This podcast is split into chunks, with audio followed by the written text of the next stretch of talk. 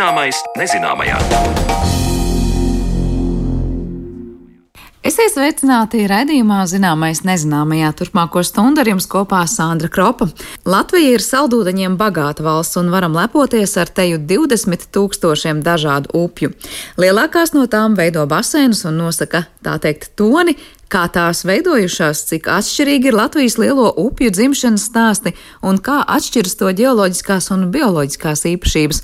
Uz visiem šiem jautājumiem meklēsim atbildes sarunā jau pavisam drīz, kad uz sarunu aicināšu mūsu vietējo upju ekspertu, taču pirms tam stāsts par to, vai un kā strauts atšķiras no avota.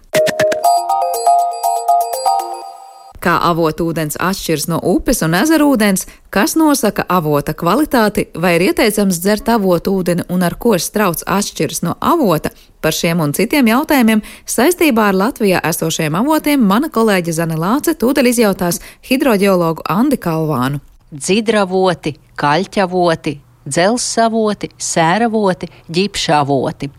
Tā var iedalīt šīs dabiskās ūdensteces Latvijas teritorijā. Galvenais avotu raksturojošais lielums ir debits.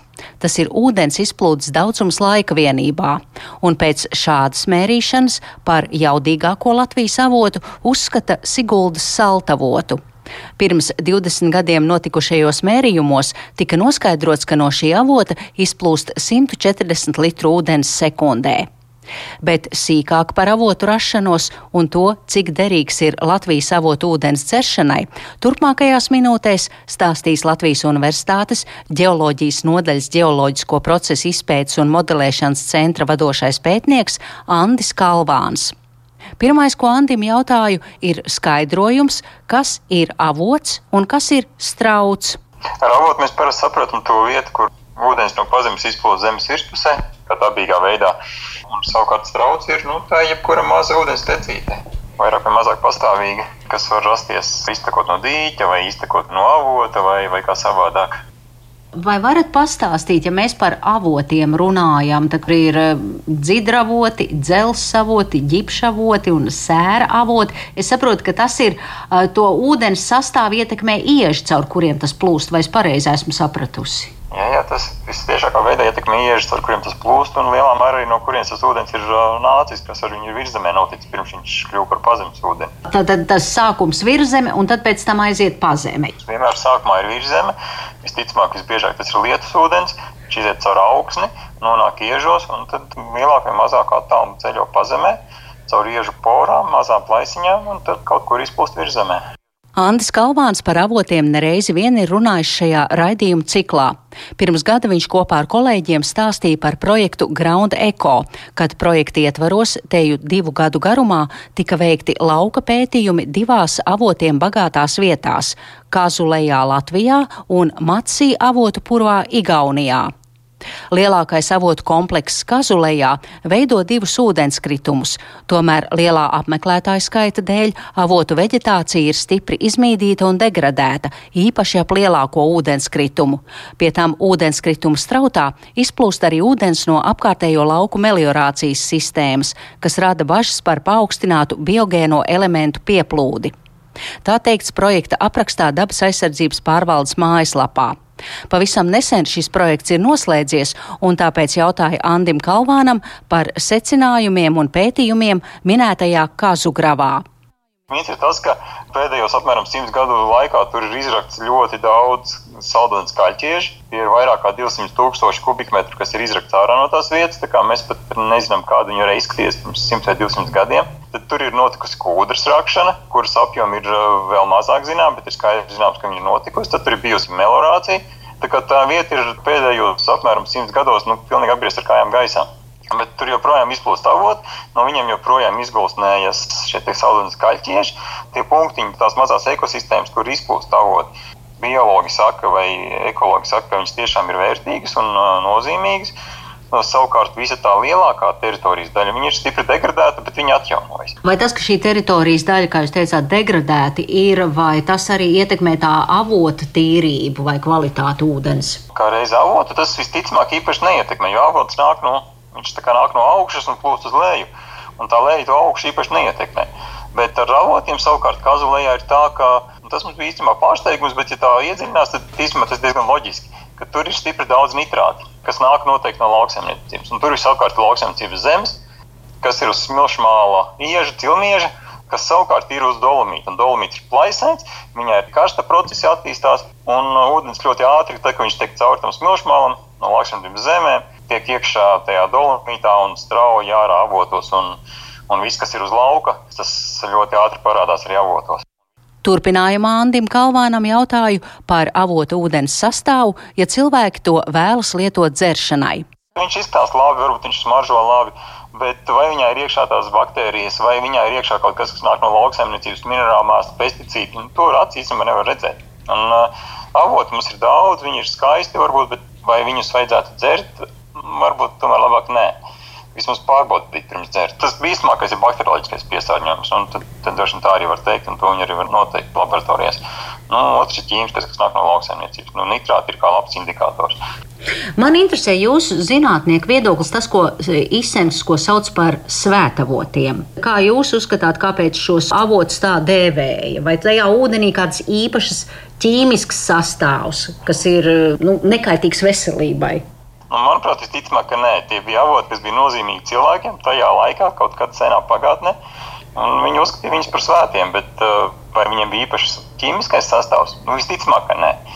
Mm, droši vien no tās dziednieciskā viedokļa es nebūšu kompetents spriest. Es personīgi esmu diezgan skeptisks par to, ka tas avoti ir tiešām nu, īpaši labāki par to ūdeni, ko mēs varam atvērt krānu lielākajā daļā Latvijas un ieliet un padzerties manuprāt, nu, no ķīmiskā sastāvā stingri ņemot, tas ir apmēram viens un tas pats. Bet kas tad avot, jā, kas tad avot ūdenim, tad ar ko piemēram atšķiras no upes vai ezera ūdens? Nu, upes un ezera ūdens avot ūdens noteikti ir labāks, jo tur nav tās visas baktērijas iekšā, visas organiskā viela, kas nāk no, nu, no dzīvības, kas ir uz zemes, kas ir ūdenī. Jo tad, kad ūdens plūst cauri iežiem, tās ir ārkārtīgi sīkas spraudziņas, milimetri desmitdaļas un, tūkstošdaļas, un uh, ļoti liela virsma.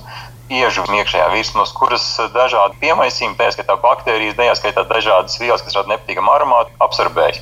Līdz ar to ūdens tā kā, nu, tā kā attīrās, pašatīrās.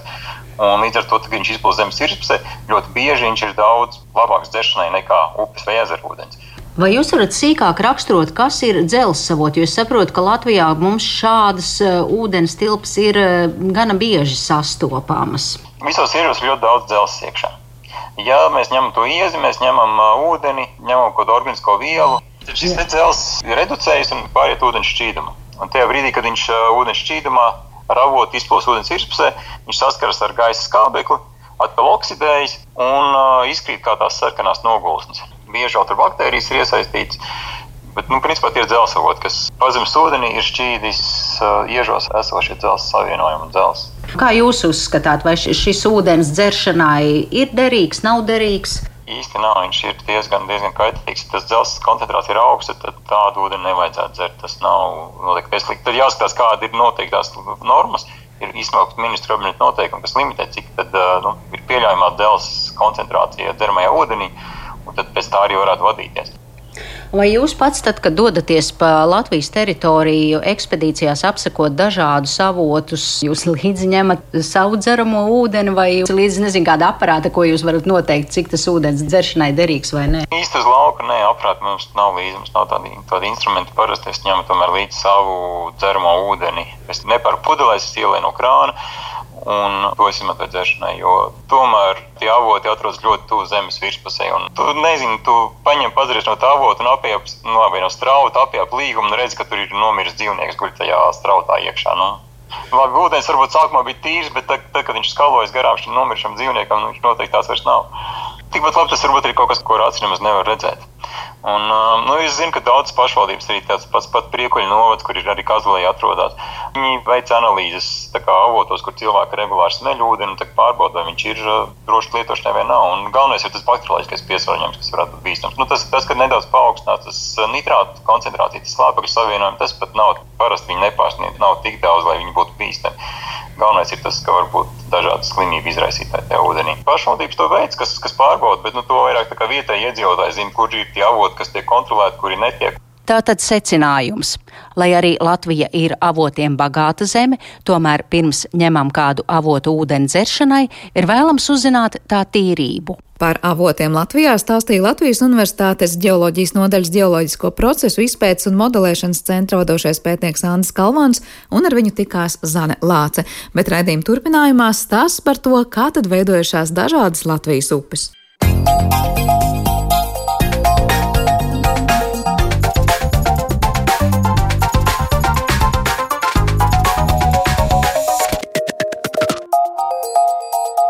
Zināmais nezināmajā. Kāda būtu Daugavas leitece, ja nebūtu Hesu, un vai zemgalē vēl atliktu vietas, ja Lielupē būtu jāsteidz ražot elektrību? Kāpēc vidzemes upes čalonas mejas, bet zemgalē lēni plūst? Par to, kas kopīgs un atšķirīgs Latvijas lielajām upēm, tad nu runāsim raidījumu atlikušajā daļā, jo mūsu improvizētajā studijā uz sarunu esam aicinājuši Latvijas Universitātes Geogrāfijas un Zemezinātņu fakultātes asociēto profesoru un vadošo pētnieku Māri Krievānu. Labdien, Māri! Labdien! Nu, es te mazliet iesākumā jau ieskicēju tā tēlēni, kā mēs varētu teikt par dažādām Latvijas upēm, bet varbūt kā pētniekam, raugoties uz tām, cik dažādas tad ir tās Latvijas upes, un vai patiesi mums katrā novadā ir kaut kas raksturīgāks vienām un citām, kas savukārt nebūs atrodams citviet Latvijā. Jā, noteikti. Mēs esam ļoti bagāti ar upēm. Mums ir viens no arī plašākajiem hidrogrāfiskajiem tīkliem Baltijā. Un upju dažādība Latvijā mums ir ļoti liela, jo te mēs varam skatīties, kādas upes, piemēram, ir vidzemes augstienē vai latgales augstienē, vai kāda plūst pa zemgales līdzenumu, jo viss jau ir atkarīgs no tieši upes geogrāfiskā novietojuma. Tad līdzenums vai augstiena, protams, tā ir cita lieta, bet dažkārt liekas, nu, Latvijā geogrāfiski tas varbūt augstiena un, un zemiena tik ļoti vizuāli neatšķiras, vai tomēr upes gultnē skatoties, tas ir kaut kas liels un, un atšķirīgs. Vai tās ir divas būtiskas, tādas milzīgas lietas, atšķirīgas. Jo, piemēram, ja mēs skatāmies uz lielu, tā plūst būtībā pa zemgales līdzenumu. Kritums ir neliels reliefā, tāpēc arī upe ir tāda mierīga, lēzena, neveidojās dažādas formas, nu, pie, piemēram, kā vidusstēras vai salas. Un, ja mēs paskatāmies, piemēram, uz gauju, tad gauja ir ļoti bagāta gan ar vidusstērēm, gan ir dažādi meandri. Un īstenībā gauja, man liekas, ir viena no visinteresantākajām upēm patreiz. Jo šeit ir viens, ka, ja mēs skatāmies, piemēram, tā daļa, kas ir, kur gauja iztek, no sākuma tā ir neliela tērcīte, ļoti strauja, lēnām paliek. Savukārt pie Igaunijas robežas viņa ieplūst līdzenumā, nu, un tur viņa arī tā diezgan būtiski meandrē. Un jāteic arī tas, ka Gauja šajā posmā mums diezgan būtiski arī izmaina valsts robežu. Jo, ja tiek pārgrauts kāds meandrs, tad mums vai nu valsts robeža samazinās vai palielinās. Un savukārt, ja mēs skatāmies jau tālāk, kur gauja plūst gar vidzemes augstienu, tā atkal kļūst straujāka, ir ļoti dziļa ieleja, un būtībā arī tā upes gultne ir ļoti atšķirīga un dažāda. Un jāteic, ka arī Gauja ir viena no tādām bīstamākajām upēm, kur peldēties. Bet tas varbūt arī nav visos posmos, bet tas ir vairāk posmā no Valmieras līdz Mūrjāņiem. Un savukārt, ja mēs paskatāmies kurzemes upes, nu šeit, protams, Venta, uh, tā arī ir tāda liela, mierīga upe. Un to, protams, nevar salīdzināt ne ar vienu augstienas upi, kuras ir diezgan straujas. Līdz ar to, piemēram, nu, nāk prātā varbūt tādas straujākas upes, tur laivotājiem salats, varbūt brīžiem, bet arī kā kurā posmā. Un savukārt tādas mierīgākas, tas lielā mērā būs atkarīgs no tā, kāds ir tas augstums, no kurienes tā tek, tā varētu teikt. Jā, tieši tā. Mēs vienkārši paņemot uh, fiziogeogrāfisko atlantu, ļoti ātri varam nodalīt tās upes, kuras ir uh, ļoti straujas vai kuras ir, piemēram, lēnas. Un visstraujākās upes būs, protams, uz uh, augstieņu nogāzēm. Nevis tieši pašā centrālajā daļā, bet vairāk kas ir uz nogāzītēm. Nu, piemēram, viena no straujākajām ir raunis. Viņam ir arī ļoti strauji kritums, lai gan ir mazs ūdens, bet šeit un tad um, mazie smaiļotāji arī izmanto rauni kā vienu no tādām straujākajām upēm, jo viņa vietām ir tiešām tāda kā kalnu upe, jāteic. Bet kas notiek tajos brīžos, vai precīzāk, kas to straujumu ietekmē nu, tādās daudz, varbūt mazākās distancēs? Dažkārt varbūt liekas, mm. tikko upe bija diezgan mērena, un te pēkšņi atkal ir krietni straujāka. Te atkal mērena, bet straujāka, un tas nav stāsts par to, kā atrodamies augstienē. Kas tur ir par iemeslu? Um, viss ir atkarīgs arī no upes platuma. Jo, ja mēs tā paskatīsimies, kuri posmi tad mums ir straujākie, straujākie ir tie, kur upes platums samazinās. Un um, arī tas mainās no līkuma uz līkumu, jo būtībā mums uh, ūdens daudzums paliek tas pats. Un, lai viņš varētu izplūst, tad ir vai nu nepieciešama platāka upe, nu, platāka gultne, Un tā rezultātā mums kritīsies ātrums. Bet savukārt, ja gultne paliek šaurāka, tad mums ātrums traumē noteikti arī pieaugs. Un šeit tiešām nav nekāds sakars varbūt ar kritumu. Tā kā faktori, kas to ietekmēs, ir dažādi, bet pieminētie meandri, tad vienkāršā valodā tie ir tie upes līkumi, ja tā var teikt.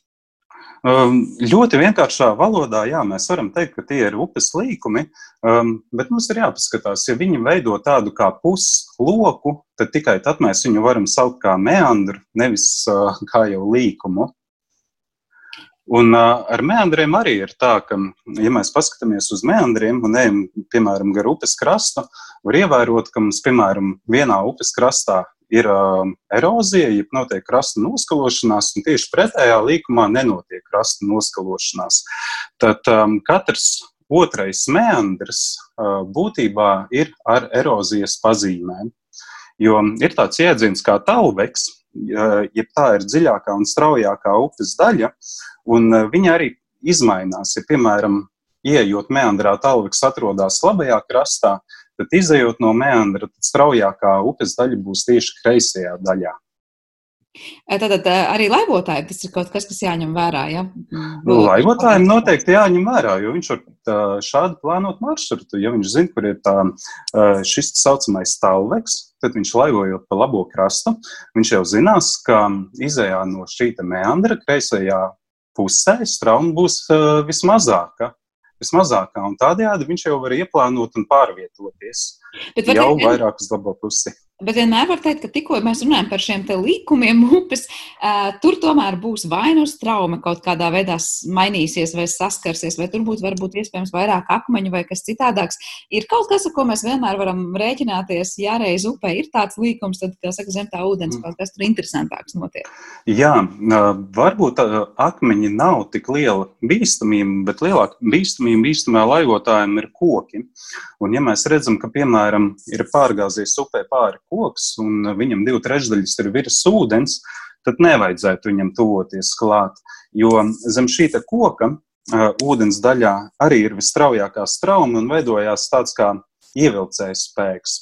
Nu, palielinās traumas ātrums, un tas ir ļoti, ļoti bīstama vieta.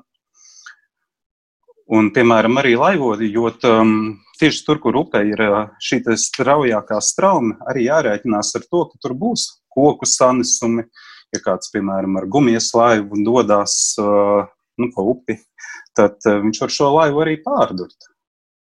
Tā kā tās ir tās bīstamākās vietas, bet upē dod šie līkumi, vai tā ir tiesa, ka jo vairāk šādu līkumu, jo vairāk upe, upe pati sev spēja attīrīt?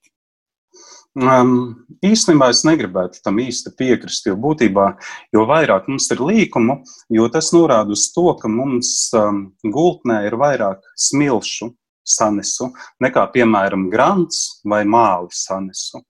Un, ja mums, piemēram, upe meandrē, tad mēs arī skaidri zinām, ka straumes ātrums ir nu, tāds vidējs. Tas noteikti nebūs uh, strauji.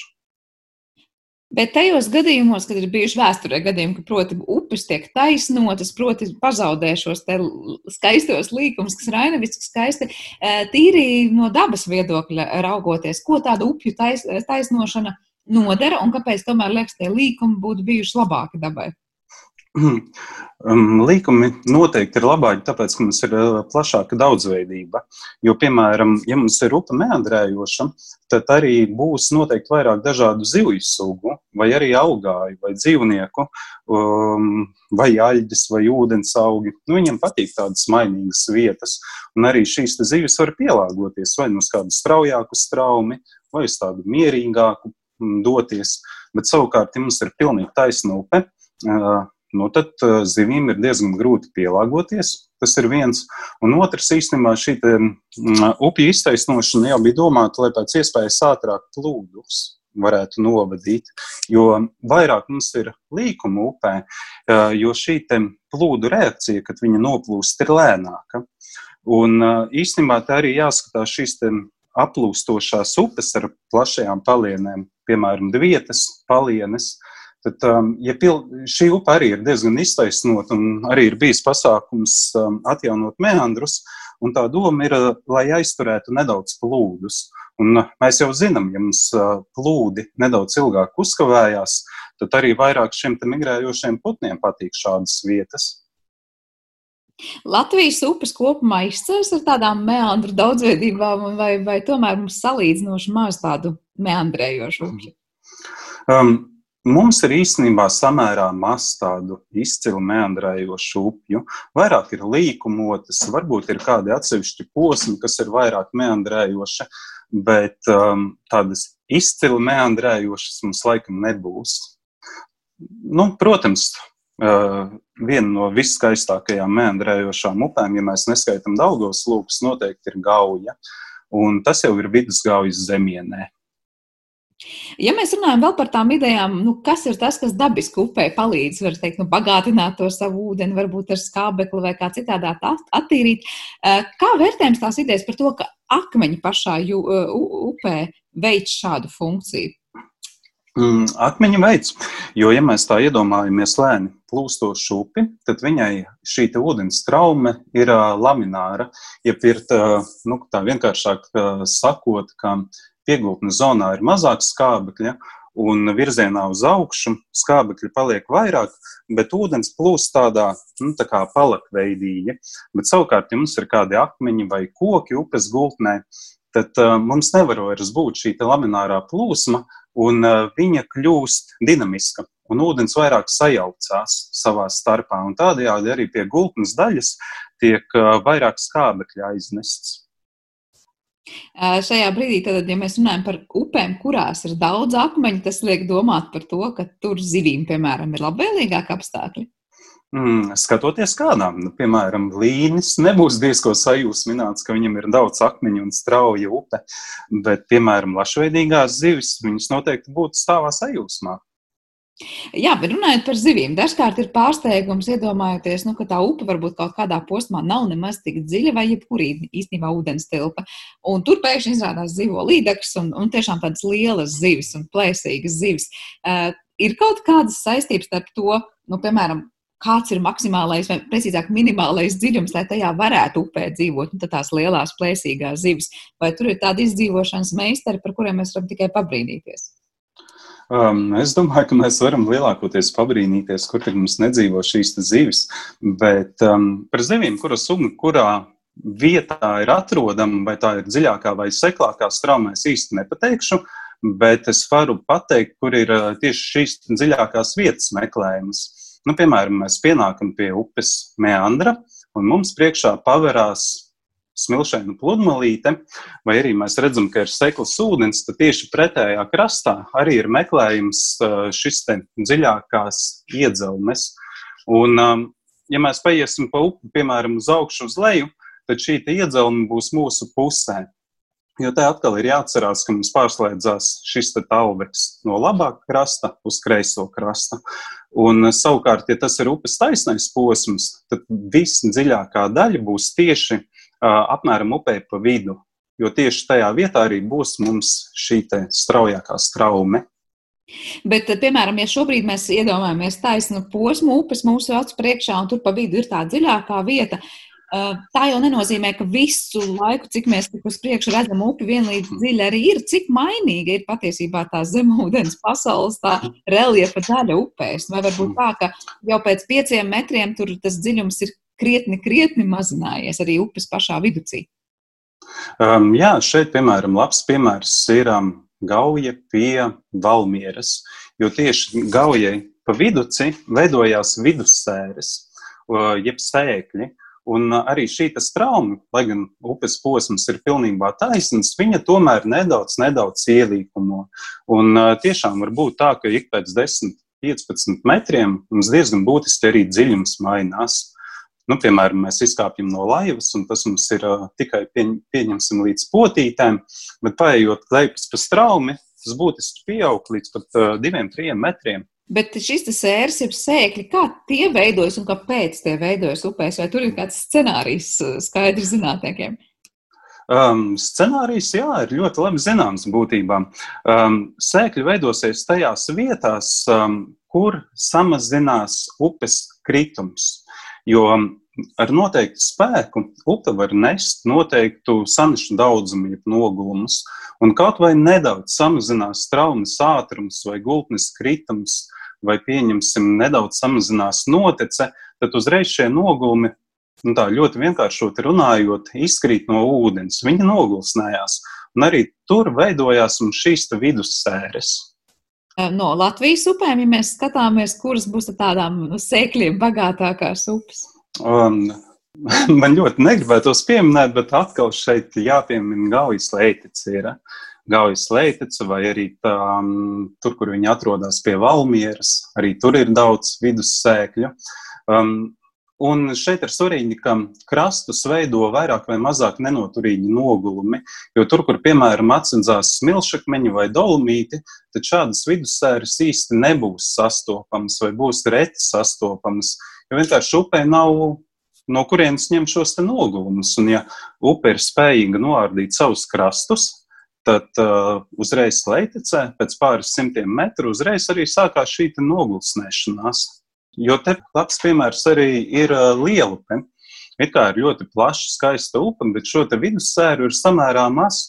Un tas ir vairāk skaidrojams ar to, ka lielupa plūst pa mālainu līdzenumu, ka būtībā tās nav smilšu daļiņas, ko viņa var erodēt, bet tas pārsvarā ir māls. Un tāpēc, tāpēc arī šīs vidussēras neveidojās. Var teikt, katrai upei ir savs stāsts, bet kā pētnieki tiek līdz visiem šiem secinājumiem? Vai var teikt, ka nu, katrā upē gan arī pa metram ir jāizdara kādi mērījumi, vai tā ir kāda attālināta izpētes metode, kas ļauj pateikt, kāda ir tā upes gultne un kādi ir tie piemēri, ko jūs skatīsieties?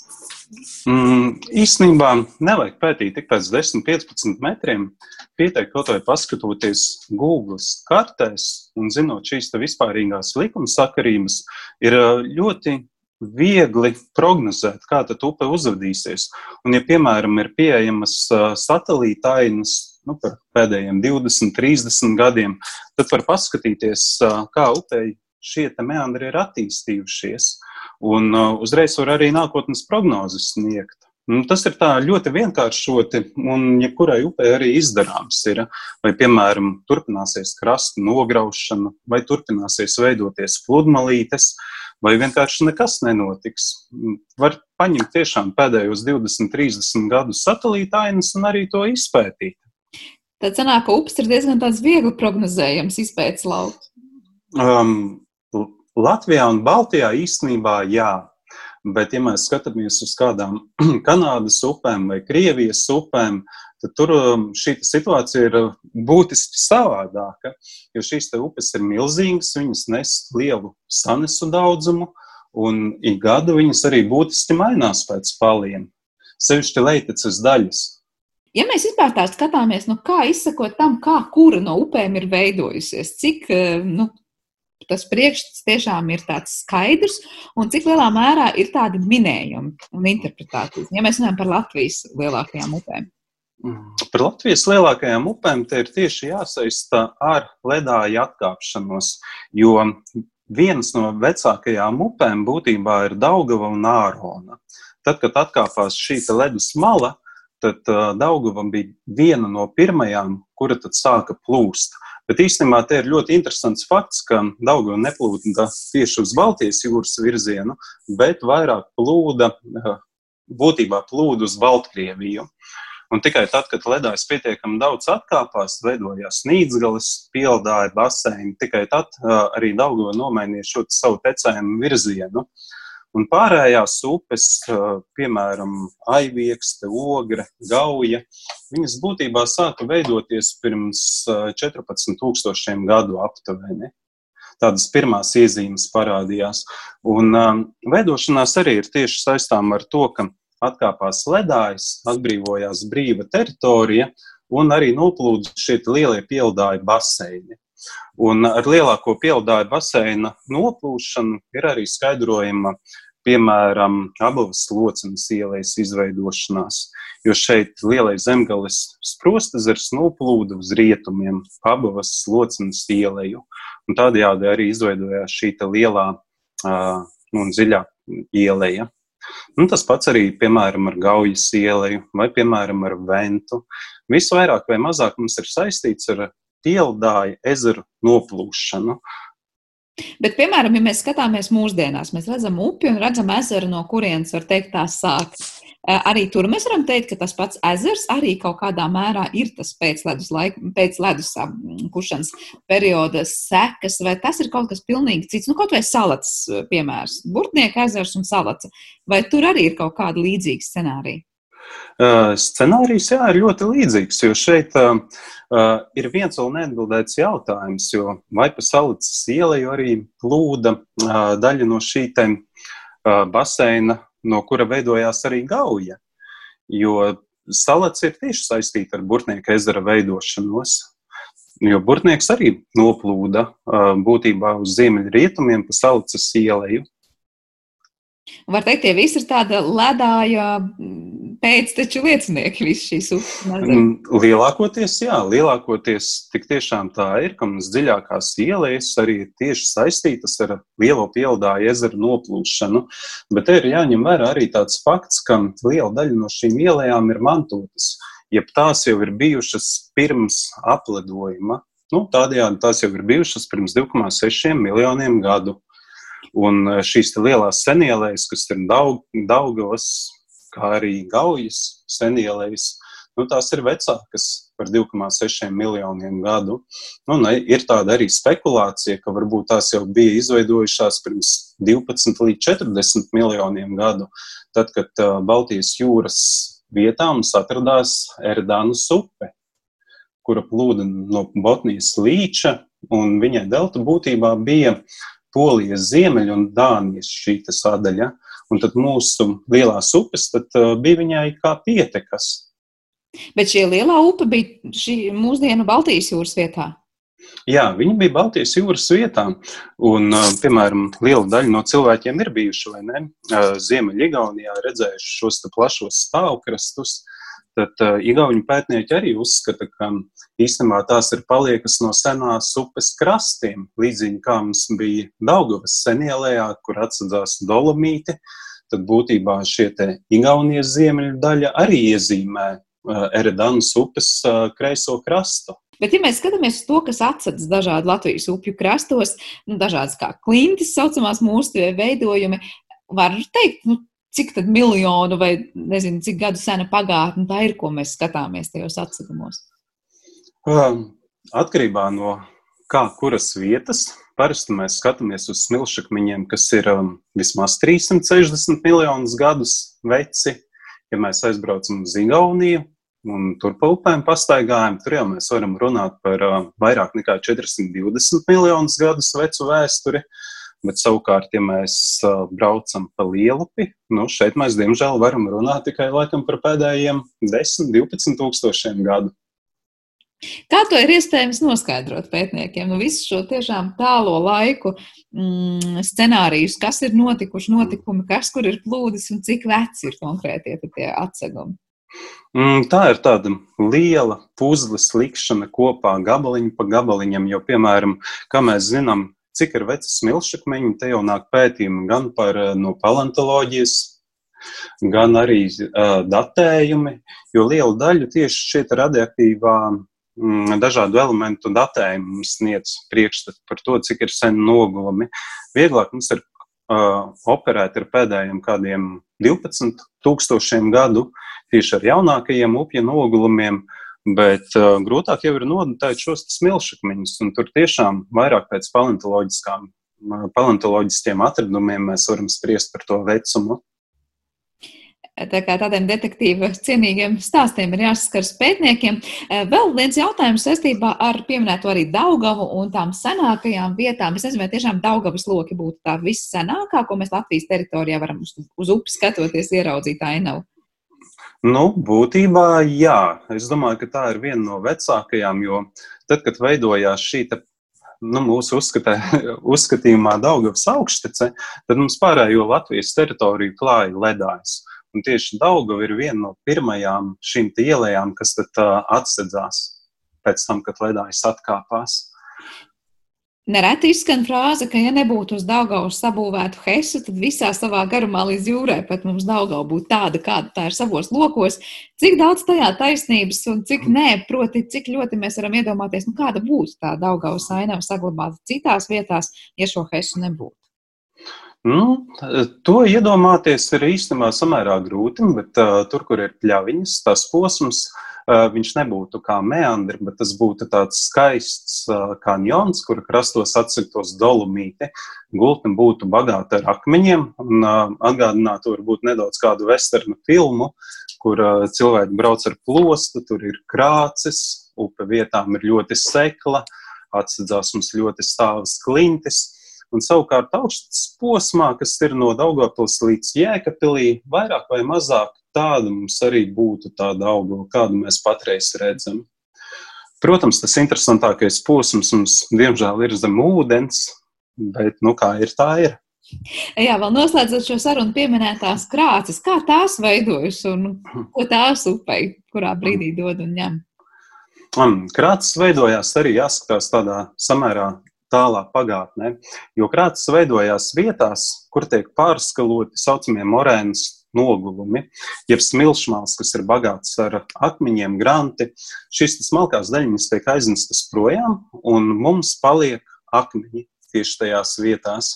Un te ir uh, vairākas upes, gan Latvijas vidzemes augstienē, kur, uh, kuras ir ļoti akmeņainas. Un būtībā akmeņainas ir tāpēc, ka visi smalkie nogulumi upē iegraužoties dziļumā, ir ar straumi aiznesti, un tas, ko upe nespēja ar savu straumu spēku aiznest, tas ir palicis gultnē. Un šādus īstenībā akmeņus sakopojumus mēs saucam par perlūviju. Bet cik dziļi tādi atradīsies, vai tur dziļums vienmēr būs tāds pavisam neievērojams, vai tikpat labi šādi akmeņi, kas palikuši varbūt pat vairāku metru dziļumā upē un tur virspusē Viņa varbūt viļņošanos? Viņam var būt arī vairāku metru dziļumā. Šeit jāpiemina kaut vai arī Daugavas augštece, jo viņa arī ir diezgan akmeņaina.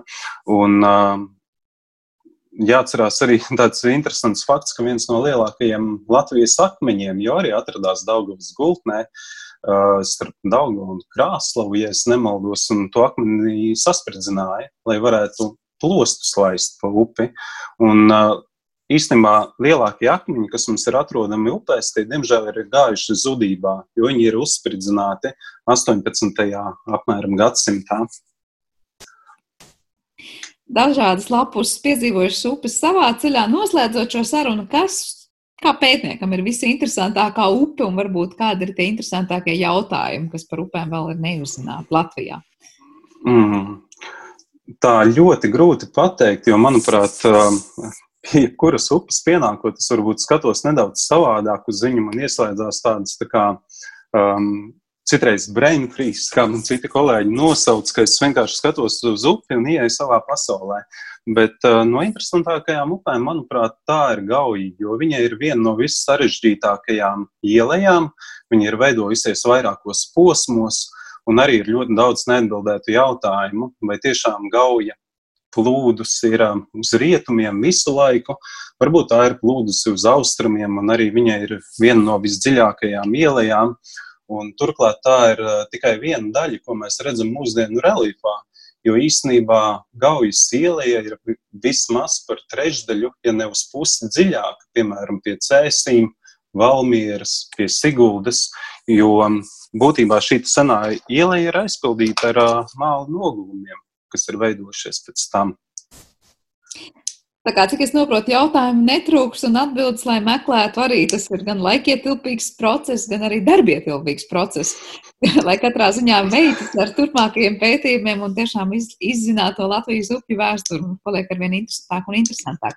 Lielas paldies par šo sarunu Latvijas Universitātes Geogrāfijas un Zemezinātņu fakultātes asociētais profesors un vadošais pētnieks Mārs Krievāns šodien viesojās mūsu improvizētajā raidījuma studijā, bet par raidījumu parūpējās producents Armīta Kolāte, mūzikas editors Girts Bišs un ar jums kopā viesis Sandra Kropa. Uz tikšanos jau pavisam drīz. Visu labu!